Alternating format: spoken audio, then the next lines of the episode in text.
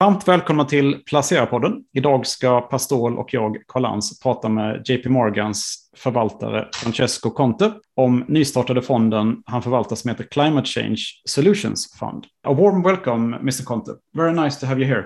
Thank you. Thank you for having me. Uh, why did you set up this fund? Well, you know, the, the we really wanted to do something that um, helps fight climate change, which is one of the biggest issues in the world, um, and really wanted to, to, to invest in companies that have products or technologies um, or are developing technologies that can really help make a positive contribution to the whole topic of uh, climate change, which is going to be certainly one of the biggest, if not the biggest, uh, issue over the coming 30 plus years. So, where in this um, uh, sustainability segment do you see the largest uh, opportunities at the moment? So, I think you know the, the techno- there are many technologies being developed uh, for, for, for, for fighting climate change, and it's it reminds me a lot of um, investing in technology 25 years ago. You know, at the beginning of the internet, the whole boom with technology,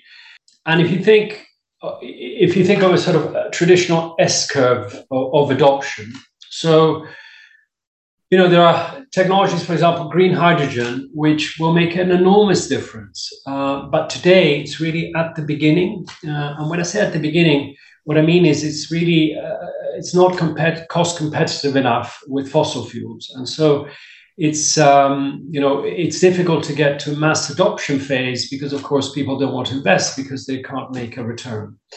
So what we are doing is really we, we're trying to invest in those sectors which can make a huge contribution today already um, because they're already at the mass adoption phase. So i think the, the, the, the probably the area that we think is really uh, interesting uh, from a risk reward space is the whole space of electrification.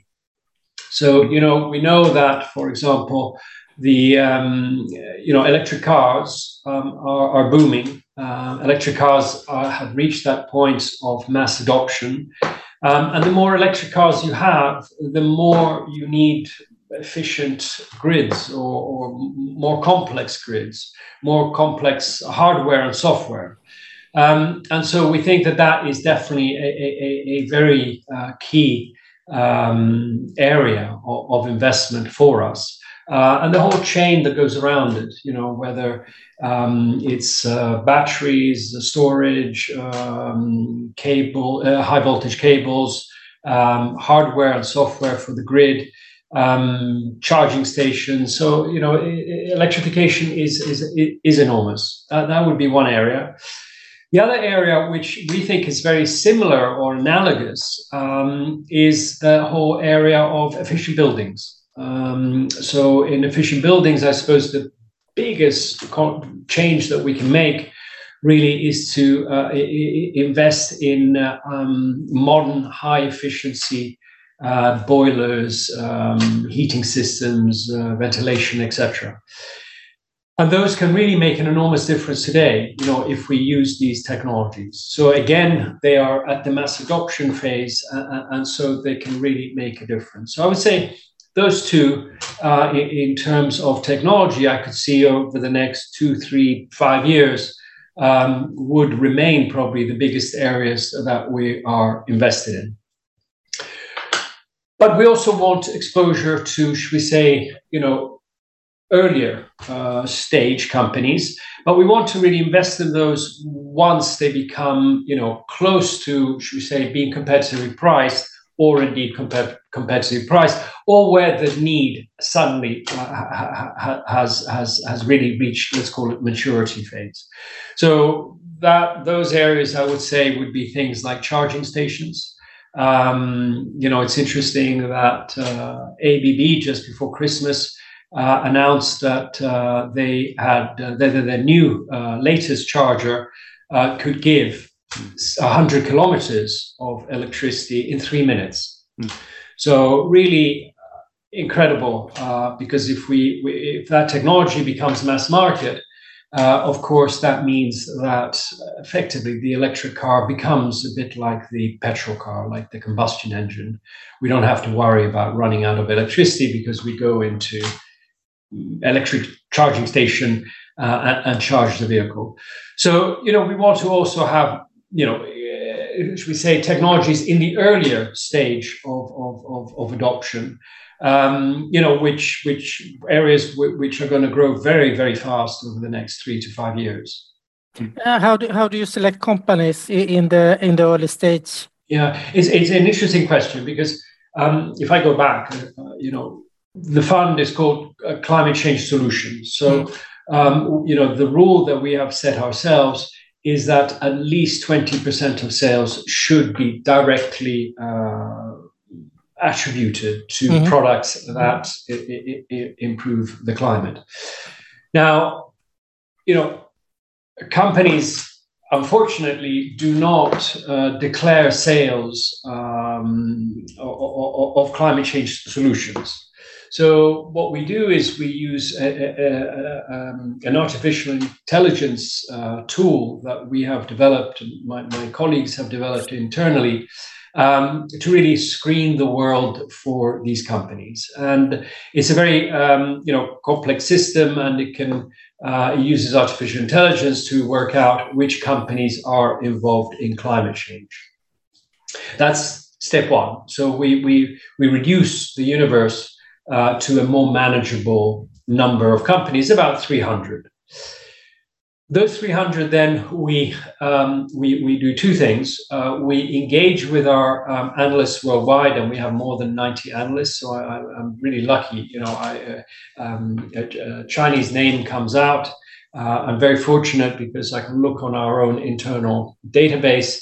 I can see that uh, we have an analyst in china that covers the company um, i have a zoom call with the analyst i can read all the research notes that they've done. I can look at the valuation models that they've done. So it really, it, it, it helps me enormously. And secondly, to double check that, you know, how do you say, to, to sort of have an independent view, mm-hmm. um, we also ask our sustainable investment team um, to really check our work or, or, what we think, not from a valuation point of view, but from a from, from uh, the point of view of whether it really helps the climate, uh, given their expertise and knowledge, etc., of different industries. And so that's how we narrow things down to, you know, to eventually a portfolio that is, we say 50 to 100 stocks. Today we are closer to 50 stocks than 100. Um, I suspect that over the coming few years, it will remain about 50 stocks. Um, it's very possible that over time, as these companies develop, um, you know, we can then add more positions. Um, but what I really want to do, uh, you know, uh, uh and I saw it with the dot com boom and then bust, um, you know, I really want to make sure that when we invest in these companies, they are at the state, you know, in the S curve. I want to invest in them here. You know, I don't want to invest in them here uh, because, you know, the market, especially in this kind of environment, um, the market does not like companies that are not profitable. Mm-hmm. Um, and so we, we really want to be patient and invest in those companies you know they don't have to be profitable but really you know we have to see that it's quite visible that really mass adoption is happening. So I hope i hope that sort of explains it a little bit. Yeah. Do, do you see these uh, market conditions as an opportunity to buy more maybe? So um, look uh, the the these kind of these kind of markets when you look at them in, in, in, the future and you look back, you you always say, "Oh, I should have bought." Mm, uh, you know, so more very often there are opportunities. Um, you know, I think it, clearly I can see, for example, you know, we'd be quite cautious on renewable energy companies. Um, because we could see that there was a lot of cap. I mean, obviously, there's huge demand, uh, uh, uh and from that point of view, renewable energy works. You know, solar energy is cheaper than fossil fuel. So no, no discussion that the technology works and it is the future. but there was so much capital going into this uh, sector. You know, prices were very, very high. Uh, about a year ago, I think they peaked uh, in this sector. So we were a little bit cautious. Now, when I look at how much some of these companies have fallen, they've fallen 50, 60% uh, over the last year. And I looked at where the gas prices, where oil prices. Um, so I look at competing energy sources. And I think it's amazing. No, oil's become more expensive. Uh, renewable energy companies have become much cheaper, um, and the technology continues to improve. And, and so, you know, by about five, 10% per annum, they become the, the solar panels become more efficient. So definitely, there are uh, starting to be uh, uh um, fantastic opportunities out there. Um, you know, the market from, from a stock picker's point of view, when the market is so macro driven as we are today, um, it's a bit frustrating. But you know, we are sort of seeing, I would say, more recently signs that the market is starting to become a little bit more selective. Um, and it's not every single growth stock that is being sold, but it's it's a bit being a bit more selective. So definitely, um, I would say this does look at like an opportunity, but as always, you know, you have to choose the companies carefully. Do you avoid investing in any countries or regions? No, I, I would say as long as the company is, is good um, and it, you know, obviously, um, you know, has um, all, all the correct governance, uh, social um, say policies uh, in place. We, we, you know, to us that is the most important thing. Um, you know, we are conscious uh, that clearly it's um, it, it, it's easier to engage with a company in North America or a company in Europe uh, than it may be with a company in emerging markets. Um, so you know, we, we we we always in emerging markets we always talk to our our, our cousins um, in in Asia. Um, you know, before investing in, in, in emerging market companies. Uh, but in principle, you know, what's important to us, we're bottom-up investors, not top-down. Uh, a lot of these companies are tend to be global uh, because you know technology is sold everywhere, um, and so no, we don't. We don't. You know, I say we're more careful uh, for practical reasons in emerging markets. Um, but uh, you know, as long as we've done our homework, uh, uh, we've researched the company well, we don't have a problem. Uh, when, when you when you select the companies, or did it, you talk about about 50 companies for, for the fund? Uh, how do you considering uh, the weights? It's a very good question. So the fund is very unconstrained. So we don't really have constraints, um, and therefore the the risk management is really done at the bottom up level. So at the single stock level. So when you look at the fund, if you look at the top ten holdings, um, apart from one, Contemporary Amperex, which is a leading um, battery company, the uh, car battery company in the world, which is Chinese company. Is apart from that, you'll see. Yeah. Uh, sorry. It's CATL? Apart from yes, CATL. Oh, exactly. yeah. Mm. Uh, apart from CATL, you'll see the other companies are all let's call them plain vanilla uh, companies, mm. um, and the reason is is really twofold. One is that along the S curve, they are, you know, they're all in the mass adoption phase. Um, you know, for example, you take a company like Schneider. What uh, what really uh, makes me pleased is that every time over the last few quarters that Schneider has reported earnings, uh, they're always increasing a little bit their outlook. Um, and uh, you know, it is the leading electrification company in the world, and I would expect it to continue. So we want to have Schneider as one of our biggest companies. Um, it also makes obviously a huge uh, beneficial impact on the environment. We want to have companies like Trane, um, companies like uh, um, JCI, all these companies that today are making one a very considerable contribution, two are obviously uh, profitable, um, you know, and three are reasonably um, lower risk. So at the moment, in this kind of environment, that's where we want to put the bulk of the, the, the investments.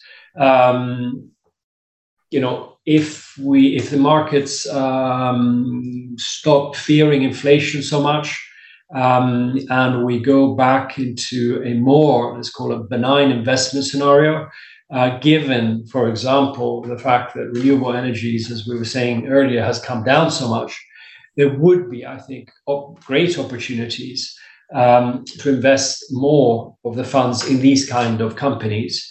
Um, you know, but for the moment, given the nervousness of the markets, I think we, we will stay with the way we are uh, with these lower, let's call them lower beta companies, um, all having a weight of about three percent, three four percent, um, and wait for, for for the markets to come down before increasing the sort of risk profile. Uh, what's your investment horizon when when you're considering to do an, an investment in one of the companies to the fund? So I think the vast majority of the companies, uh, or if not all of the companies we're investing in at the moment, um, are really companies that we think will be here for a long time. You know, the electrification phase is not going to finish tomorrow. We, we really, at the beginning, uh, I'll give you uh, an example of, for example, high voltage cable. Um, high voltage cable, I think, really, I think of it as a sort of motorway of, of, of, of electrification. Um, and it can serve so many purposes. So, one drawback of renewable energy, of course, is that it's difficult to store. I would say the technology of batteries is improving so much that for solar installations going forward, there's going to be a lot more storage. But of course, for the installations that have been put in place, there's less storage. But that's where I think, for example, high voltage cable can work because it's possible that in one country it's not sunny today, but it's possible that in another country it is sunny or it's more windy one country and less windy.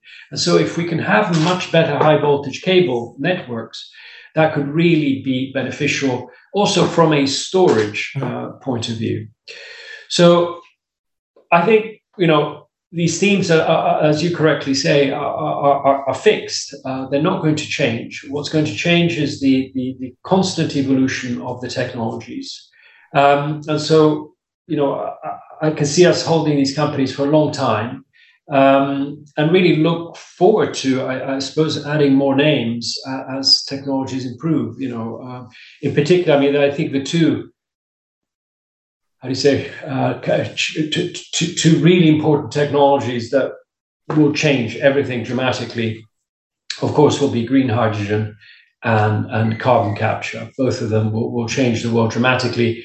Uh, but carbon capture, I suspect we're not too far away from it being commercially viable um, or commercially viable compared to carbon credits. Mm-hmm. Um, I suspect the green hydrogen may take a bit longer, maybe five years, something like that. Carbon capture, maybe two years.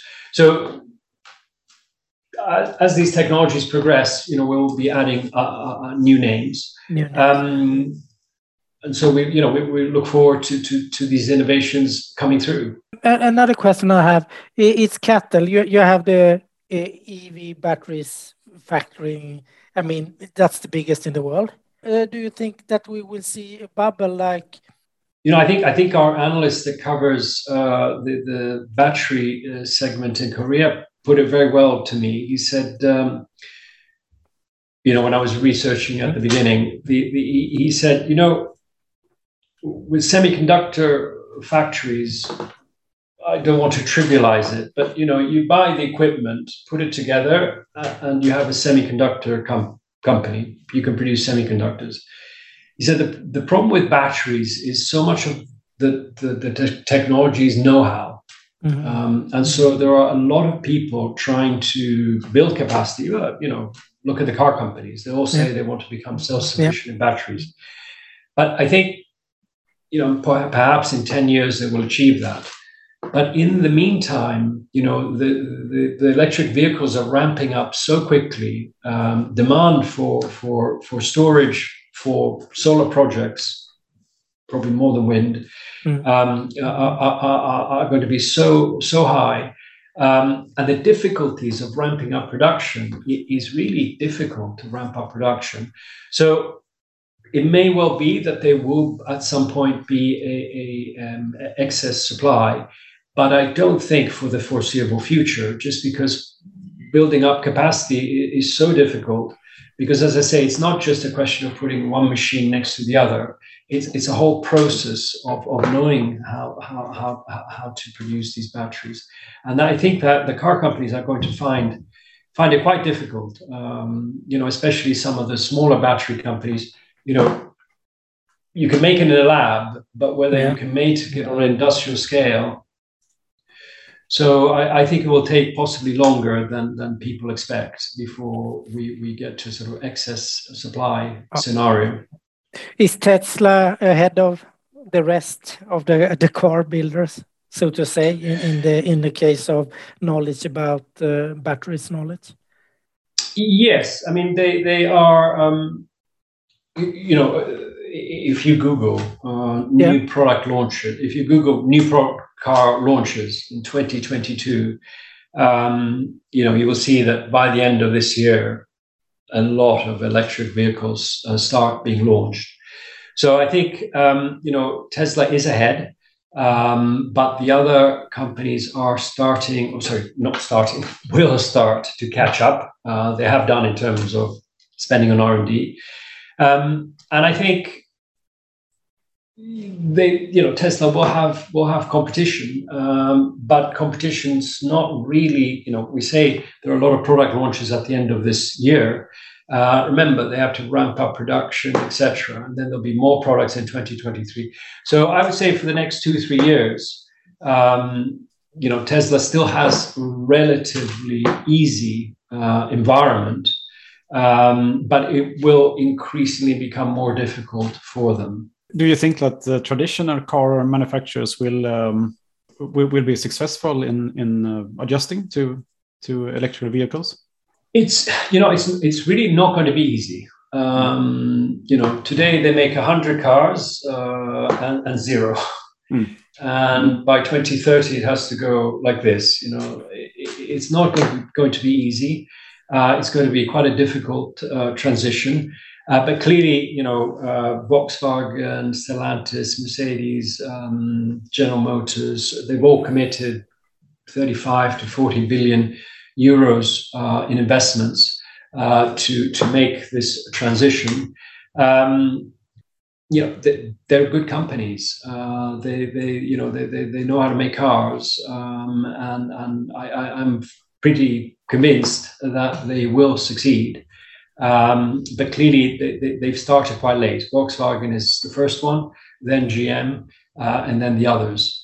Uh, so Volkswagen is coming out with models now, GM really starts at the end of the year. Um, Stellantis, I think, starts probably next year. So you know they're all phasing uh, over the coming coming years.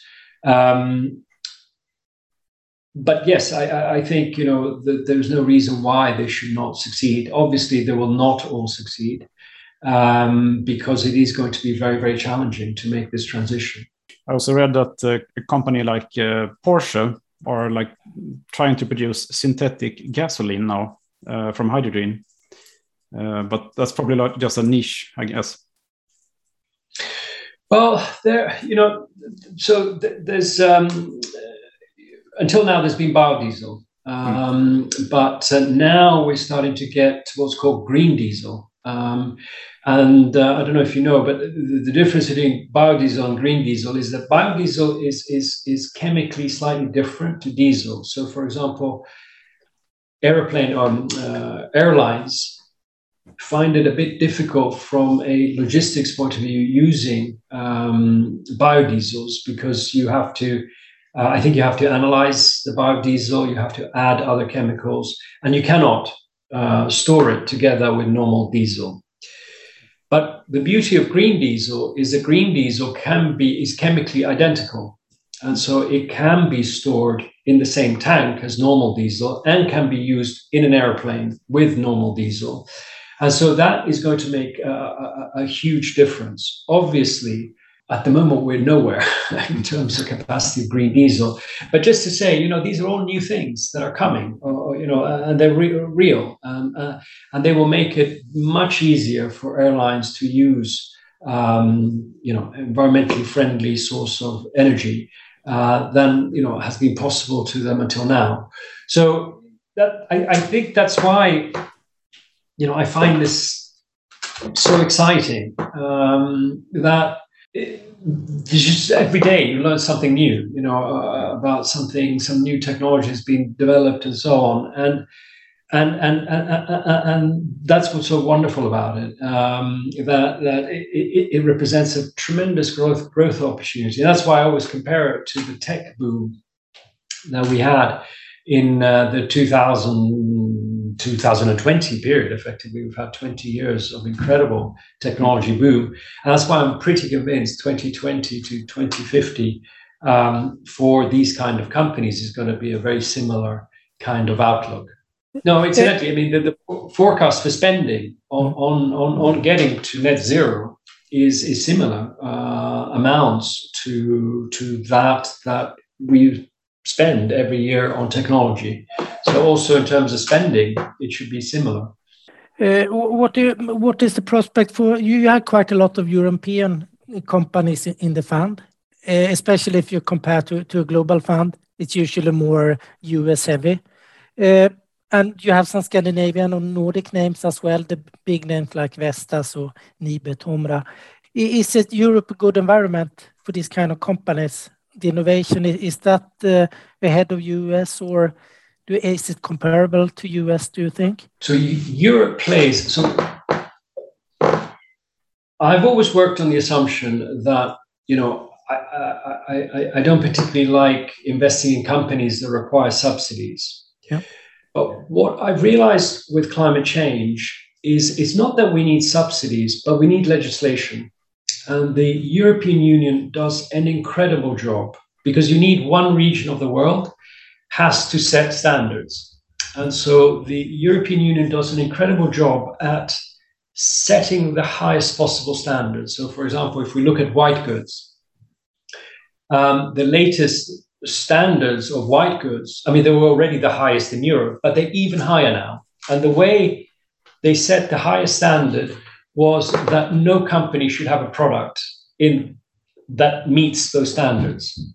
And so the likes of Electrolux and, and Bosch, that are the Siemens, uh, sorry, Bosch Siemens, which are the, the most energy efficient producers of white goods, are challenged to, you know, this is not enough. You have to go here. And you know, and the beauty is that because the EU is setting these standards and these companies get all their scientists and engineers to develop these products. And then once they're on the market and they start to sell and they reach critical mass, they can then sell them to the rest of the world. So, what is interesting, for example, we have um, in, in, in the heating and ventilation space, the big players are Americans, especially on the air conditioning side.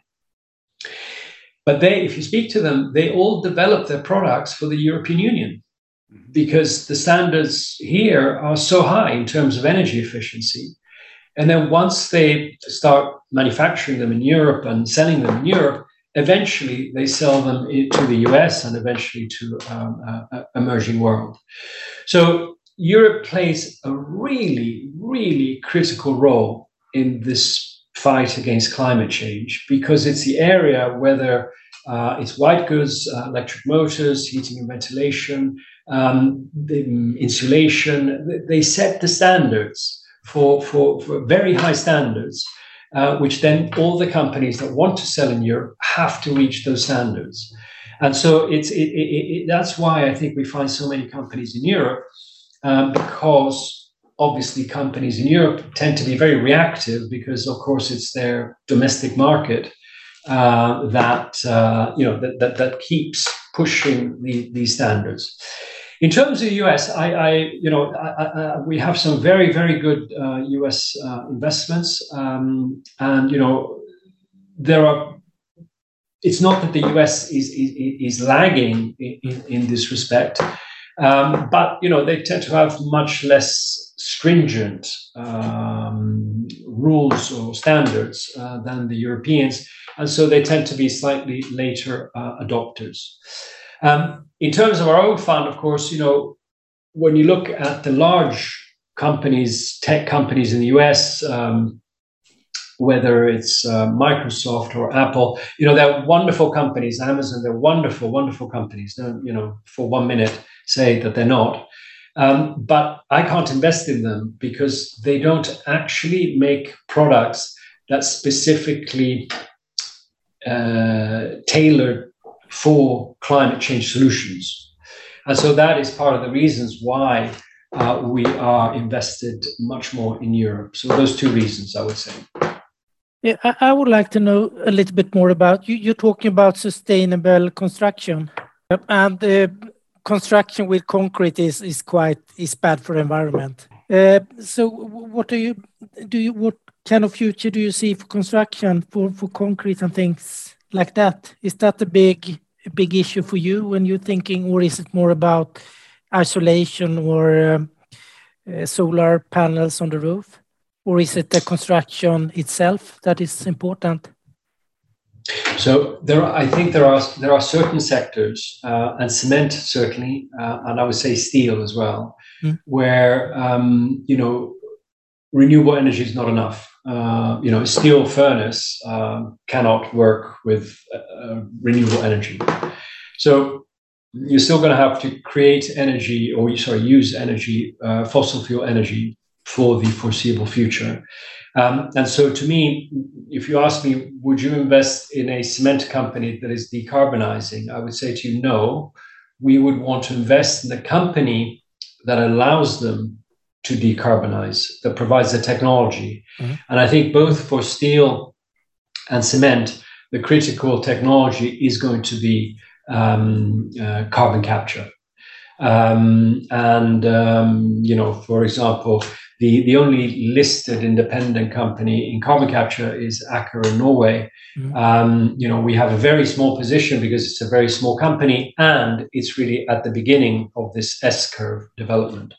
But of course, we're monitoring it very carefully. Um, and, you know, when we think appropriate, we hope that we will be, you know, increasing in, in future uh, if, if, the projects that they're working on right now work, uh, which we believe they will. Um, but, you know, we need more, more, more, more data points to be uh, confirmed. So again, we wouldn't invest in the companies themselves that are decarbonizing, mm. but we invest in the companies that are providing the technologies yeah. for them mm. to de- decarbonize. Hopefully, there will also be more technologies being developed for, uh, for example, capturing carbon and putting it in the cement mm. and so on. So, lots of you know, the, the, one thing I've learned in my career is human ingenuity has no limits. Um, yeah. So never bet against human ingenuity. You, you have like five areas or thematic areas that do, do, do you think of that is uh, like uh, will you have like 20% uh, each in one of them or uh, do they have to be what it is because of your bottom up approach? Yeah. So again i think like uh, one of the um, segments that we have is recycling. Mm-hmm. um, and again here for example you know we've talked to some of the waste management companies, and the waste management companies really say, you know, recycling is expensive. Uh, we will do it if we're paid for it. So it goes back to what I was saying about legislation. Mm-hmm. However, you know, in recycling, there are companies, as you mentioned, Tomra earlier on, that have been a spectacular success. But the spectacular success of Tomra, um, it, of course, is based on their technology of 3D visualization but it's mostly, I would say, based on, on legislation. Because if there is no reverse vending scheme, nobody's going to, or very few people will actually throw the bottle through the Tomra machine. And so I think Tomra really shows how what an enormous impact legislation can make. So to go back to your question, you know, we can find many better opportunities today in electrification than mm. we can on recycling. So we have much more in electrification than we do in recycling. The area where I think, I mean, I haven't mentioned it so far, but the area that I, am really uh, very excited about or think it's a tremendous opportunity um, is in, uh, in, in agriculture, in farming, uh, because farming you know, population uh, in the world is going to go from 7 billion people to 9 billion people. Uh, also, you know, in emerging markets, people are becoming much richer and therefore want more protein-based diet and so on. So we need to find ways of farming much more efficiently. Farming produces about 19, 20% of greenhouse gas emissions, which is enormous. Um, and so we have uh, we, are invested in um, three largest uh, tractor companies in the world, um, and they're all slightly different stages of development, but uh, they're all working on precision farming. And you know, precision farming will enable the farmer to have much more data about their own land, uh, what uh, what it needs to produce more with less resources, less uh, pollution, less water, etc. So that's an area that, that we really think is very exciting. And the other one is is water. Uh, mm. You know, water. We have uh, um, two companies um, in, in uh, water consulting. Um, you know, and, and, for example, they, they can design a closed network water system for semiconductor plants. The semiconductor plants use a lot of water to cool down the, the, the factory. Um, but they can design a closed loop so that you do not constantly use more water from the mains uh, main system. So I would say those, those, those two also, you know, we're very we're very excited. Uh, I think that again the technology is going to evolve very very quickly, um, and it's really really new, uh, and so um, it, it, it offers tremendous potential. I think. Yeah, what, what, company is that that you have invested in in the water? So probably the the, the most advanced. Um, yeah. But as I say, on the ESCA precision farming is really uh-huh. at the beginning. So yeah. you know, one is more ahead than the others, but it doesn't make much difference. But but that's uh, that's, that's that's your idea. The Deere. The, the, Deere, yeah. Mm, is that your favorite in the sector, or Deere is the most advanced? It's also yeah. more expensive than the other two. Uh, the other two uh, being Agco and uh, CNH. Mm-hmm. Um, the you know, you know, as we were saying earlier, we're taking a very long term view. Yeah. Um, and so we, we, you know, we, we like them. Um, and we think, you know, they're all three working very much on precision agriculture. Because if you think about it, today when you sell a tractor, you're selling GPS. 60, 70% of tractors have GPS. Um, so that's the first step towards more efficient farming, uh, GPS. And then you sell uh, precision seeders. That's the first generation of precision products. Uh, and what that does is it analyzes the soil as it's as, as it's going, putting the seeds in, uh, tells you where they are, what the soil composition is, how much water, pH, uh, etc. Um, so you start potentially selling data and potentially selling software. You see, and then you will have precision sprayers, and precision sprayers will know the difference between, you know, this is a tree and this is a weed. So it will leave the tree alone and just mm. spray that. Um, and it'll again they'll use artificial intelligence um, so it's very early days, um, mm-hmm. and, and but but you know it, it's clearly going to revolutionize farming uh, over the next 20, 30 years um, and make it far more efficient than it is today. If you if you're considering to invest in your fund, what would you like me as an investor? What should my time horizon be? Be forever. Uh, of course. Yeah. No, I think it, you know it clearly it's a um, you know it, I, I, keep making the comparison with technology, and I'll make mm-hmm. it again. You know the the if you'd invested in the early two thousands in technology, you would have done very very well. Um, and I would hope that you know when we look back in twenty years' time, um, you know this is a sector that will have really matured, developed, grown um, and that companies will, you know, will be in that trillion category rather than billion category uh, where they are today, because their markets are going to be so much bigger. Um, again, you know, in high voltage cable, we have uh, sorry the the three largest companies in the world. They're all European. They're all small companies. Hmm. It's really amazing when we think how much need we have for high voltage companies uh, for high voltage uh, cable. And all three market leaders are European and small caps. Mm. So, you know, uh, I, I, would be disappointed if they are still small caps in 20 years' time. So, you know, uh, yeah. one has to obviously not take a, a short term view, but take a longer term view mm. um, because it is a multi, multi year, decade project. Yeah. Okay. Okay. Th- thank you very much for your time, Mr. Conte. Yeah. Thank you. Thank good you. luck. Yeah. Mm. It's luck. been a real pleasure. Thank you for your yeah. questions.